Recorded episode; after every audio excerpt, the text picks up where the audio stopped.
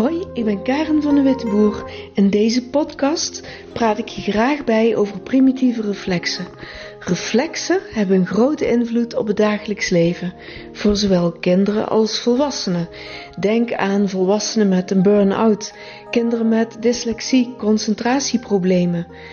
Graag wil ik je er alles over vertellen, omdat ik denk dat veel problemen hierdoor ontstaan en hiermee kunnen worden opgelost. Hallo, ik ben Karen van de Witteboer.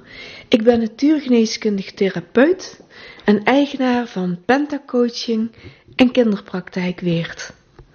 Als natuurgeneeskundig therapeut ben ik altijd geïnteresseerd naar de oorsprong van een klacht. En een klacht, dat kan in mijn praktijk voor zowel volwassenen als kinderen heel vaak terugleiden naar primitieve reflexen. Kan gaan over dyslexie, kan gaan over bedplassen, over uh, angst, over energieverlies. En vaak, eigenlijk altijd, kom ik terug op die primitieve reflexen. En daar wil ik je graag iets over vertellen. Primitieve reflexen, dat zijn reflexen die al ontstaan in de baarmoeder. En die zijn bedoeld om een baby te helpen steeds ingewikkeldere en grotere dingen te kunnen doen. Bijvoorbeeld de geboorte. Een baby weet gewoon hoe dat die geboren moet worden. En dat is allemaal dankzij verschillende reflexen. Nou, om uit te leggen wat een reflex is, dat is een uh, zomaar ontstane beweging voordat je erbij hebt nagedacht.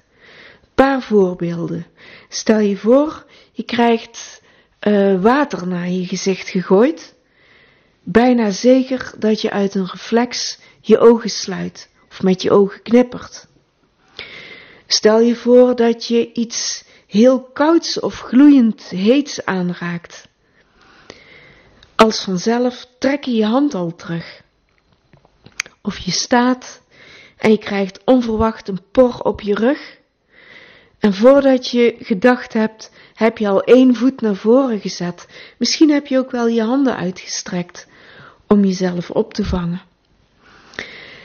En dat allemaal, dat zijn reflexen. Nou, die zijn dus goed bedoeld, die zijn nuttig, die zijn nodig, want om met je ogen te knipperen of je ogen te sluiten op het moment dat je zomaar een vloeistof naar je toe krijgt, dat is gewoon een bescherming van je ogen. Daar ga je niet eerst over nadenken. Zou het water zijn? Zou het een bijtende vloeistof zijn? Dan ben je al te laat. Dus je hebt een reflex nodig om direct te reageren. Nou, die primitieve reflexen die ontstaan dus in de baarmoeder in een hele strakke volgorde. En dat is eigenlijk net zo simpel als na de geboorte uiteraard gaat een baby liggen. Daarna leert hij pas om om te rollen. Daarna leert hij pas om op bijvoorbeeld de knieën te komen, op handen en knieën te komen te kruipen, te zitten, te gaan staan en van daaruit leer je lopen. Dat is een volgorde die voor iedereen eigenlijk gebruikelijk is, zonder dat je daarvoor gestudeerd hoeft te hebben. En zo is dat ook met reflexen. Er zijn verschillende reflexen die jou dus helpen in het geboortekanaal, om geboren te worden. En die zijn dan nuttig, die zijn dan noodzakelijk die hebben bij wijze van spreken de hele zwangerschap geoefend om hun ding te doen op het moment dat het moet. Stel je voor dat je geboren bent met hulp, bijvoorbeeld uh, een zuignap of een keizersnee, of het was veel te snel gegaan, of je hebt juist een hele poos vastgezeten en moeten wachten dan zijn die reflexen die dus getraind waren om op het juiste moment het juiste ding te doen, die zijn het spoorbijster. Of die zitten misschien nog te wachten, ook al ben je volwassen. Wanneer komt mijn grote moment nu? En dat betekent dat je die beweging die bij die betreffende reflex hoort, dat je die steeds uitvoert als je bijvoorbeeld je hoofd draait, of je kin optilt, of je kijkt naar links of je kijkt naar rechts. Het kan al een moment zijn dat je zomaar dan een reflex activeert. Op zich niet fout. Kun je honderd mee worden? Kun je super intelligent zijn? Maar een reflex kost jou altijd energie. En deze reflexen, die zijn eigenlijk niet meer nodig. Dus die zouden bij wijze van spreken op het waakvlammetje mogen gaan. Als ik kort iets over de eerste twee reflexen kan vertellen. Een embryo die ongeveer vijf weken in de baarmoeder is, krijgt te maken met de terugtrekreflex. Dat mini kleine mensje maakt een beweging langzaam naar voren toe, langzaam naar achteren toe. En dat is eigenlijk het enige wat kan. Het uiterlijk heeft veel weg van een zeepaardje, dus er is ongeveer geen functie van armen en benen, handen of voeten. Maar wat nou frappant is, er zit dus ergens een soort uh, aanzetpuntje wat die embryo naar voren doet bewegen of naar achteren haalt. En precies daar is mijn mond gegroeid. Daar is het hele spijsverteringskanaal aan vastgekomen. En je begrijpt het al, het uiteinde van dat spijsverteringskanaal, nou, dat is nu mijn bekkenbodem. En daar kan ik mee naar de toilet. Of niet. Dus ik zou eigenlijk simpelweg kunnen zeggen: kinderen of volwassenen die een probleem hebben met mondmotoriek, met spreken, niet kunnen spreken, denk aan selectief mutisme of stotteren. En net zo goed denk aan je kunt niet zindelijk worden of je durft niet naar de toilet. Je durft niet om het los te laten. Dat zijn zaken die allemaal ontstaan zijn op die vijfde week. Daar is het begonnen. En die terugtrekreflex, die leert mij, ik kan naar voren bewegen, ik kan naar achteren toe. Ik kan schreeuwen, ik kan zwijgen, ik kan iets uitspugen, ik kan iets opeten. Ik kan boos worden of te verlegen. Alles van binnen naar buiten of van voor naar achteren is daar ontstaan.